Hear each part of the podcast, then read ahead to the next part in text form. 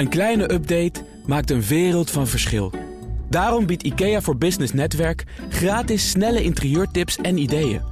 Word gratis lid en laat je werkplek voor je werken.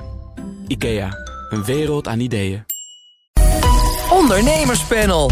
Vanaf vandaag is het basta met de meeste steunmaatregelen... en zijn die er alleen nog maar voor de nachthoreca en de evenementensector... of ziet het ondernemerspanel alvast een sluiproute. En we springen van de ene in de andere crisis... want hoe pakken we het personeelstekort aan waar veel werkgevers tegenaan lopen. Dat en meer bespreek ik in het ondernemerspanel. Daar is dit Hans Biesheuvel van ONL, Ondernemend Nederland. Hans, fijn dat je er bent. En Leen Zevenbergen, oprichter van B Corp Europe... verbonden aan Bain Consultancy. En ook walnotenboer. Niet in rust, toch? Want die walnoten Nee, die die worden vallen geplukt beginnen in, nu eh, te vallen. De walnoten zijn aan het vallen. Dus je moet snel naar, naar Frankrijk. Moet snel weg. Nou, ik hoop dat je nog net een half uurtje de tijd hebt. Eh, allereerst om eh, jouw eigen nieuws met ons te delen. Ja, ik had eerst nieuws over de SDG's... en eh, dat alle partijen in de politiek daar het over eens zijn. Maar vandaag was er een ander bericht wat veel belangrijker is... en dat is de rel die bij Unilever ontstaan is... omdat Ben Jerry's geen ijs wil verstrekken... in de Palestijnse bezette gebieden. En dat Unilever daar eigenlijk een beetje boos over is. En wat heel bizar is, dat mevrouw Faber van Unilever zegt... van dat gaan we dus nooit meer doen, zo'n bedrijf overnemen, op deze manier. En het grappige daarvan is, is dat Unilever ooit Ben Jerry's heeft gekocht... en Ben Jerry's eh, als voorbeeld naar binnen heeft gehaald... voor andere Unilever-onderdelen, van zo willen wij worden.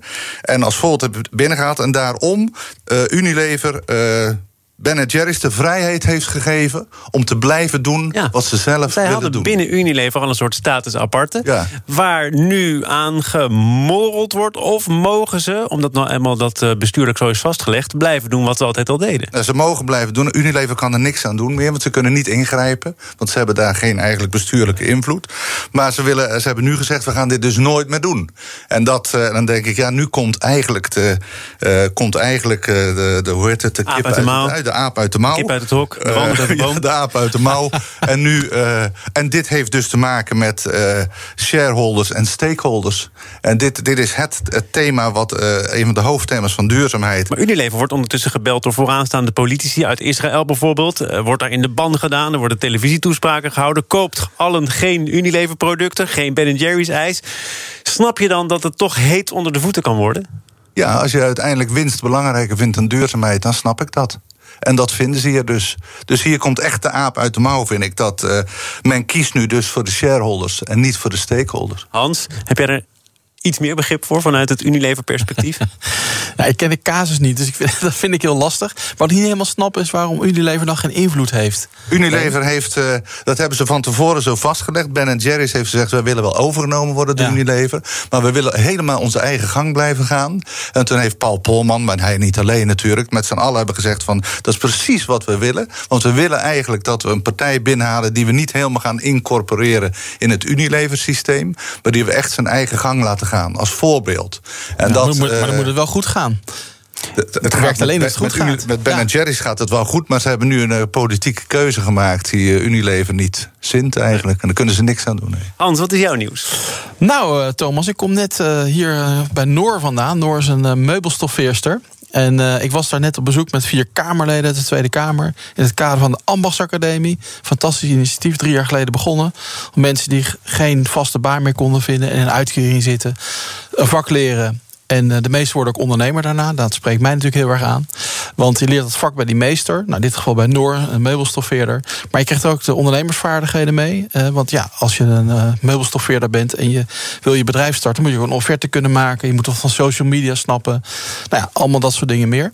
En het leuke is, er zijn al nou ja, tientallen mensen in Nederland via de Ammas Academie nu meester geworden. Eigen bedrijf begonnen. En die ambassadeur-academie is degelijk iets anders dan bijvoorbeeld een vakopleiding, een MBO-opleiding. Ja, dit is een specialistische eh, vakmanschap. Eh, dus, eh, dus je hebt een opleiding met MBO voor allerlei technische beroepen. Maar echt specialistisch is dat niet. En je leert bij zo'n meester echt het, een vak op de werkvloer. Je moet, gaat gewoon meewerken. Maar je leert ook nogmaals die ondernemersvaardigheden. Ja, ik zie dat als een fantastische manier voor heel veel mensen om toch hun eigen toekomst eh, in te kleuren. Er zijn veel mensen van mijn eigen generatie bij hoor. Van 56. Ja, die hebben allemaal geen toekomst meer. oh, toch wel. En die nog 15 jaar door willen. En zeggen, nou, weet je, ik heb het wel gehad om eh, bij een corporate te zitten. En ik ga nu toch eh, ja, deze weg in. En zie voor je heel- ook eh, natuurlijk glunderen als wandelboer. Ja, maar ja, het is ook, een ambacht. latere leeftijd. Ja. En het leuke is dat voor veel van die, van, die, van die meesters eh, is het vaak ook een geweldige manier om hun kennis over te dragen en uiteindelijk hun bedrijf over te dragen. Dus ik draag dat een warm hart toe. Maar ja, nu moet, wordt het belangrijk, de pilot is geslaagd. Dat we nu structureel eh, dit gaan maken in Nederland. En daar was ik daar even met de Kamerleden om ze ervan te doordringen dat dit echt iets, iets Maar wat heb je van die Kamerleden nodig dan? Geld of een wet of budget? Nou, het, het is een heel klein beetje geld, maar vooral commitment om dit eh, verder uit te bouwen. En samen bijvoorbeeld UWV nog. En MBO's overigens hoor, want die samenwerking zoeken we. Goed op te trekken om dit nog professioneler en beter te maken. Dus het heeft wel iets te maken met ons laatste onderwerp van vandaag. Ja, het laatste onderwerp. Laten we naar het eerste onderwerp gaan. Voordat we daar eh, aankomen. Namelijk het einde van de coronasteunmaatregelen. Ik zei net heel duidelijk dat het basta is voor de meeste ondernemers. Dat ze weer volledig op eigen benen moeten staan. Met uitzondering van de nachthoreca en de evenementensector. Maar alleen, er is iets bijzonders aan de hand. Er wordt heel erg duidelijk gesteld dat het klaar is. Maar wettelijk gezien Is het is het dat helemaal niet eigenlijk klaar? helemaal niet. Nee, nou Hans weet dat eh, nog veel beter dan ik. Maar eh, ik, wat ik er wel over kan zeggen is eh, wat, je, wat ik heb gezien in Frankrijk. In Frankrijk kregen bedrijven 100% steun. Dus niet alleen op, op loonkosten, maar op omzet.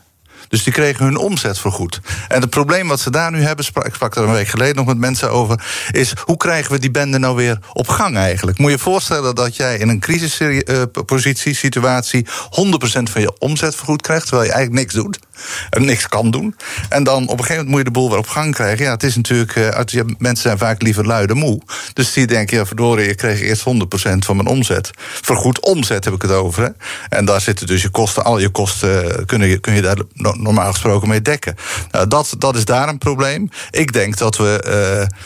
Het stoppen van de steun is wel weer een stok achter de deur van een heleboel bedrijven en mensen om eh, te gaan nadenken weer van hoe kunnen we in volle vaart weer verder gaan. Maar Hans heeft Ja, wel ook ja, ontdekt ja, Hans- dat er iets anders Hans aan de hand heeft, is. heeft iets, iets ontdekt. Nou, dat is misschien voor veel luisteraars relevant.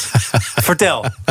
Nou, laten we even scherp stellen. Kijk, die die steunmaatregelen zijn heel effectief geweest. Hè? Ik bedoel, er zijn bijna geen faillissementen. Bijna iedereen heeft zijn baan gehouden. Te Dus effectief zeggen sommigen. het heeft heel effectief gewerkt. Ehm, maar eh, ja, nu, nu stopt de NOW, die is gestopt. Hè? En de TVL werd gezegd, nou die stopt. Maar wat hebben we bedacht met z'n allen? We gaan de VLN eh, ervan maken. Dat is een andere term voor TVL. Maar het doet eigenlijk hetzelfde. Namelijk je vaste kosten vergoeden. Je moet wel eh 50%, meer dan 50% omzetverlies hebben. En in de afgelopen twee kwartalen ook TVL-steun nodig gehad. Maar goed, daar kan je ervoor in aanmerking komen. Het is opgezet voor de nachthoreca. Maar bedrijven die eh, aan die criteria voldoen, kunnen hem gewoon aanvragen.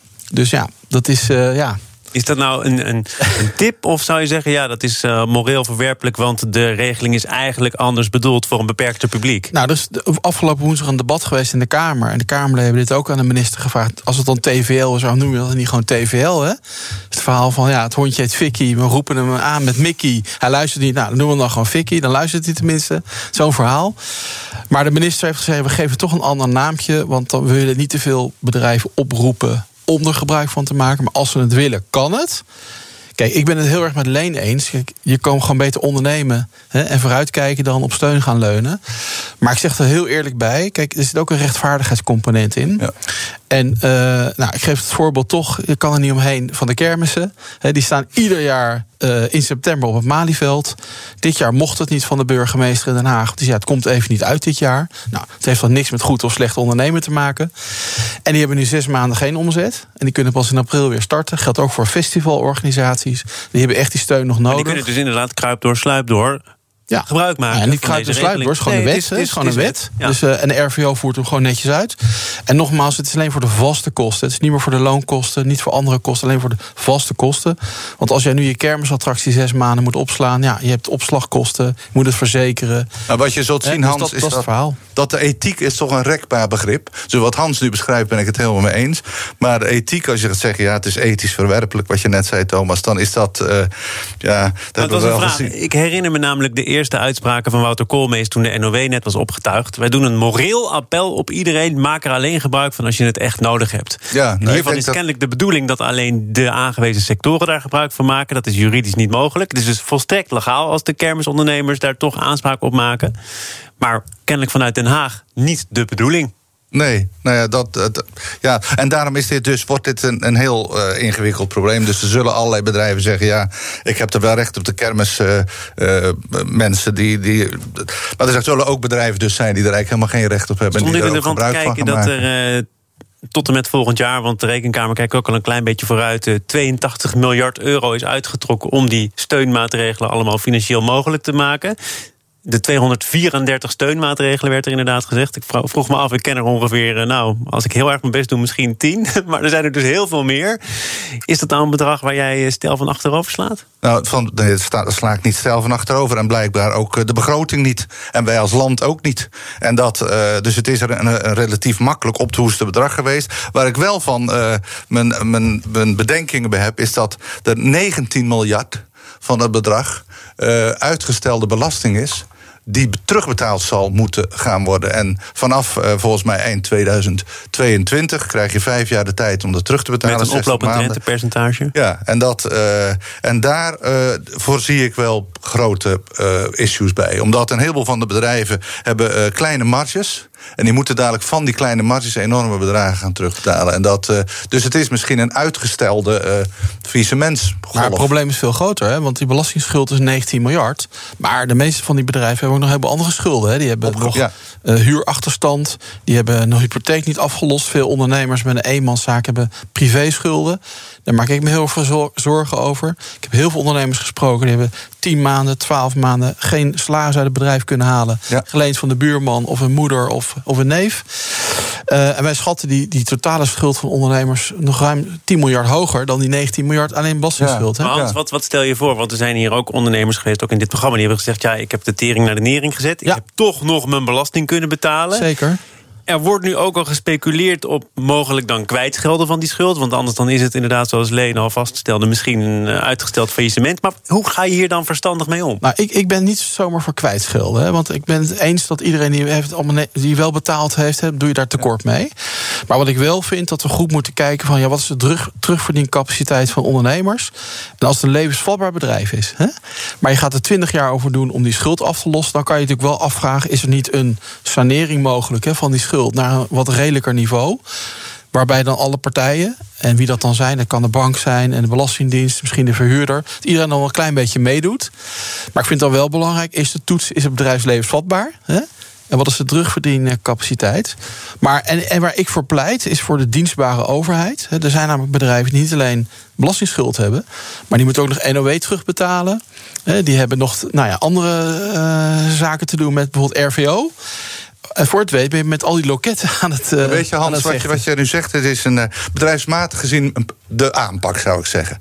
En, maar als je al ziet wat voor een knoeizooi de overheid heeft gemaakt van de hele toeslagenaffaire. Ja, nou, dan is dus jouw aanpak, Hans, die, die is bijna nog fijnmaziger dan die toeslagenaffaire. Dat gaat nooit wat worden, denk ik. Nou ja, tenzij, tenzij, tenzij hè, want er is in de Kamer nu wel een motie aangenomen afgelopen week. die het kabinet oproept dit op te pakken. Mm en uh, nou, ik ga pleiten voor, zeg maar, wat ik dan even noem, schuldentafels. Hè, dat je met een aantal van die partijen om de tafel gaat zitten. Laten we dan met elkaar een, een arrangement maken.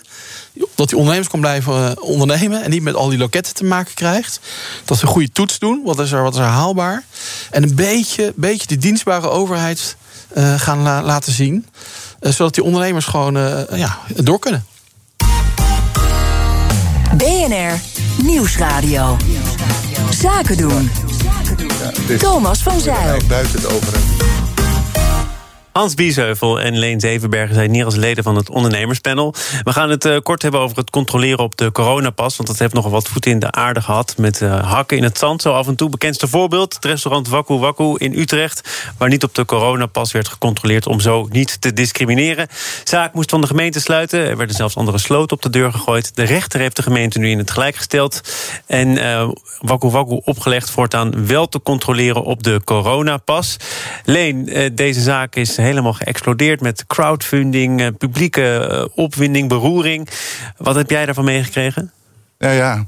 Ik vind sowieso een onderwerp waar ik. Waar je bijna niet meer over wilt praten. Maar, maar we kunnen het kort houden hoor. Ja, we, nou, graag. Um, kijk, weet je wat ik ervan uh, overhoud als je erover nadenkt? Uh, ik probeer altijd naar een iets hoger niveau van abstractie te gaan dan alleen de case van Waku Waku. Wordt gewaardeerd. En, en wat ik dan vandaag meemaakte, en toeval bestaat niet, denk ik, is dat een van mijn kinderen die een QR-code heeft, heeft corona gekregen. Sinds vandaag is dat bekend. Dus die kan gewoon een restaurant in. Dus die kan met zijn QR-code een restaurant in en neemt het virus mee. Nou, dat, uh, en dat vind ik raar dat dat kan. Want dat is eigenlijk volgens mij precies wat we nou met die QR-code bedoelen... is om het volk te beschermen. Ik neem toch ook aan dat... er niet een kroegentocht op het programma staat? Nee, hij blijft gewoon keurig binnen. En dat hij gaat zelfs niet mee in een familie-evenement wat hebben. Dus hij blijft binnen. Maar het... Uh, uh, wat je wil, volgens mij, wat wij met elkaar willen, is het zorgen dat het virus zich niet verspreidt. want het is een dodelijk virus, dat is vervelend en dat is naar. Ik denk dat we, daar kan je het eigenlijk niet mee oneens zijn. Dus ik zou zeggen, laten we dat testen. En dat dus, ik zou tegen Waku Waku zeggen, laat mensen die bij jou komen gewoon keurig even testen. En, dat, uh, en de mensen die corona hebben, ja, die wil je er niet bij hebben. En de andere uh, gasten van je restaurant willen die corona besmette mensen er ook niet bij hebben. Dus dat, die lopen dan weg als die naar binnen. Kwestie van heeft niks te maken met discriminatie, vind ik. Vermoeit eh, dit onderwerp jou ook, eh, Hans? Nou ja, ik, ik begrijp wel de emotie van die ondernemers. Hè. Ik heb dat ook vorige week gezegd rond dat vertrek van Mona Keizer. Die heeft het dit natuurlijk ook wel een beetje geagendeerd. Van ja, het is best gaar dat je de HEMA in kan lopen of de Bijenkorf. Of, hoe, hè?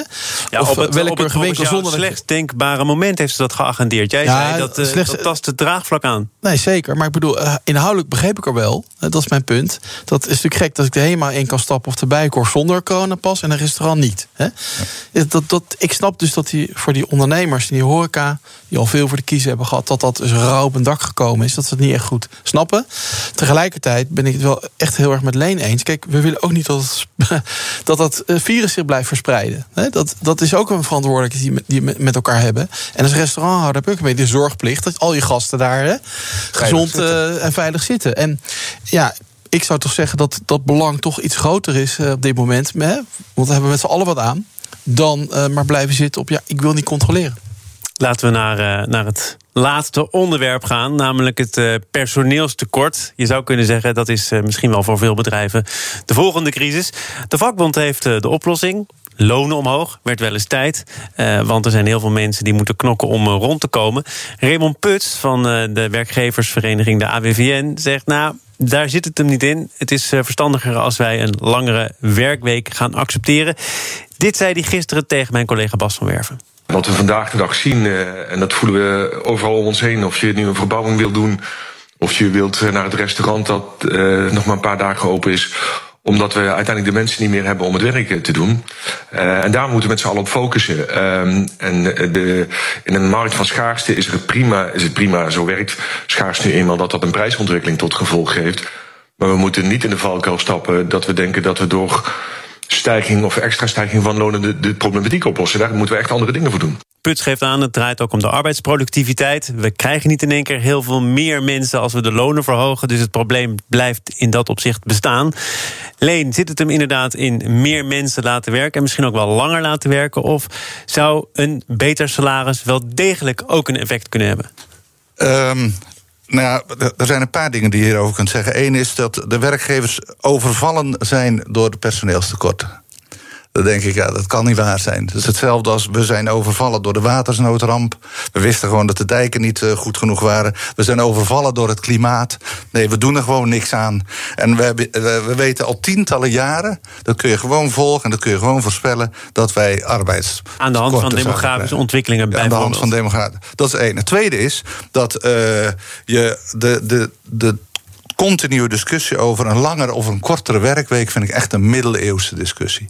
Weet je, dat is een. Uh, voor 70% van de Nederlandse werkenden maakt het eigenlijk niet uit hoe lang ze op kantoor zitten. Of ze er nou, het gaat erom namelijk wat ze aan output leveren. En dat het voor een schoonmaker eigenlijk bijna hetzelfde. Want een schoonmaker die kun je ook goed slimmer inplannen, waardoor die schoonmaker misschien kort in het ene kantoor en langer in het andere kantoor aan het schoonmaken is. Dus er zijn een heleboel andere dingen te doen om dat op te lossen. Uh, hadden veel meer eerder moeten ingrijpen. En ik denk wel degelijk dat uh, als je het salariscomponent uh, mee laat spelen, dat dat een effect heeft. Ja, dat denk ik wel. Put zegt Hans, dat kan helemaal niet. Er is in heel veel sectoren helemaal geen ruimte om zomaar eens gegifte portemonnee te trekken. Dan komen veel bedrijven in de problemen. Ja, maar het is, het is een bijna, bijna retro, hè, zoals, die, zoals die oude polder erover discussieert. Uh, ja Ik vind het gewoon een retro-discussie. Langer werken, korter werken. Het gaat nou, precies over productiviteit. Maar je hebt natuurlijk niet met één maatregel heb je dit opgelost. Hè. Die demografische ontwikkeling is al heel lang gaande. En daar moet je dus een aantal dingen voor doen... die misschien ook wel een hele generatie gaan duren... om dat een klein beetje te compenseren. Maar ik zie ook heel veel mensen in de bijstand. Hè, honderdduizenden. Die kennen we niet. We kennen ook hun vaardigheden niet. We weten niet wat ze wel kunnen, wat ze niet willen. Dus er zit heel veel onbenut potentieel. Ik denk dat we daar veel meer mee aan de slag moeten.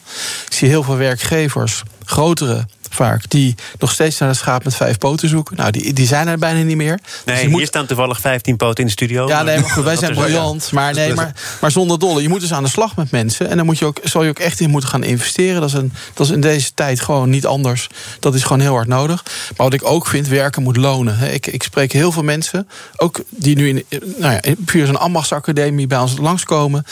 Die hebben met een uitkering en toeslagen zo'n fantastisch uh, inkomen. Nou, niet een fantastisch inkomen, maar die kunnen hè, hebben dan een eh, inkomensniveau waarmee ze nou, in ieder geval goed alles kunnen betalen. En als ze werk gaan werken, dan vallen ze terug. Hè? Dus ook die prikkel is er dan niet natuurlijk om te gaan werken. Dus we moeten op heel veel vlakken moeten we dingen veranderen, wat mij betreft. Maar ook eens kijken inderdaad naar een veel modernere invulling van het begrip werk. Ja, en die vaardigheden. En daar, is heel veel te, en daar is nog heel veel te verdienen. Ja, die vaardigheden die Dans net noemde, dat is een, uh, een cruciaal onderdeel. Hè? Steeds meer en vaker kijken werkgevers naar de vaardigheden. Vroeger werd er gekeken naar diploma's. Maar diploma's is niet gelijk aan vaardigheden. En er worden steeds meer tools ontwikkeld, ook geautomatiseerd, om vaardigheden van mensen in kaart te brengen. En als je dat goed doet, dan ontstaat er een veel grotere pool van mensen die beschikbaar is voor de arbeidsmarkt. Omdat we nu, wat Hans net zegt, ik denk dat we voor honderdduizenden mensen niet weten wat hun echte vaardigheden zijn. En daar zitten die mensen vaak ook mee. En neem bijvoorbeeld vluchtelingen die hierheen komen, die geen diploma's meer hebben. Ik heb ooit een werkster gehad, of een werker gehad, was een mannelijke werkster, die uh, was eigenlijk architect. Een, een Iraanse architect, een beroemde Iraanse architect. Maar hij, was, had geen diploma's bij zich, hij werd nergens, kon nergens aan de slag. Had dus wel vaardigheden. En zo geldt het voor Amsterdam, de gemeente Amsterdam. Is daar een proef mee aan het doen. Om de vaardigheden van vluchtelingen in kaart te brengen. Om te kijken of ze passen in het, uh, in het arbeidsproces. Jullie klus hier zit erop. Maar jullie hebben ook nog een hele mooie toekomst voor je. Bijvoorbeeld ook als lid van dit panel. Dus ik zeg uh, tot snel. Hans Biesheuvel van uh, ONL en Leen Zevenbergen, oprichter van B Corp Europe, ook verbonden aan Been. En walnotenboer vanaf volgende week weer. Top. Ja. Mooi zo. Succes in Frankrijk. Zometeen wordt er ook gepitcht in dit programma. Als ondernemer hoef je niet te besparen op je werkplek. Want IKEA voor Business Netwerk biedt korting op verschillende IKEA-producten. Word gratis lid en laat je werkplek voor je werken. IKEA, een wereld aan ideeën.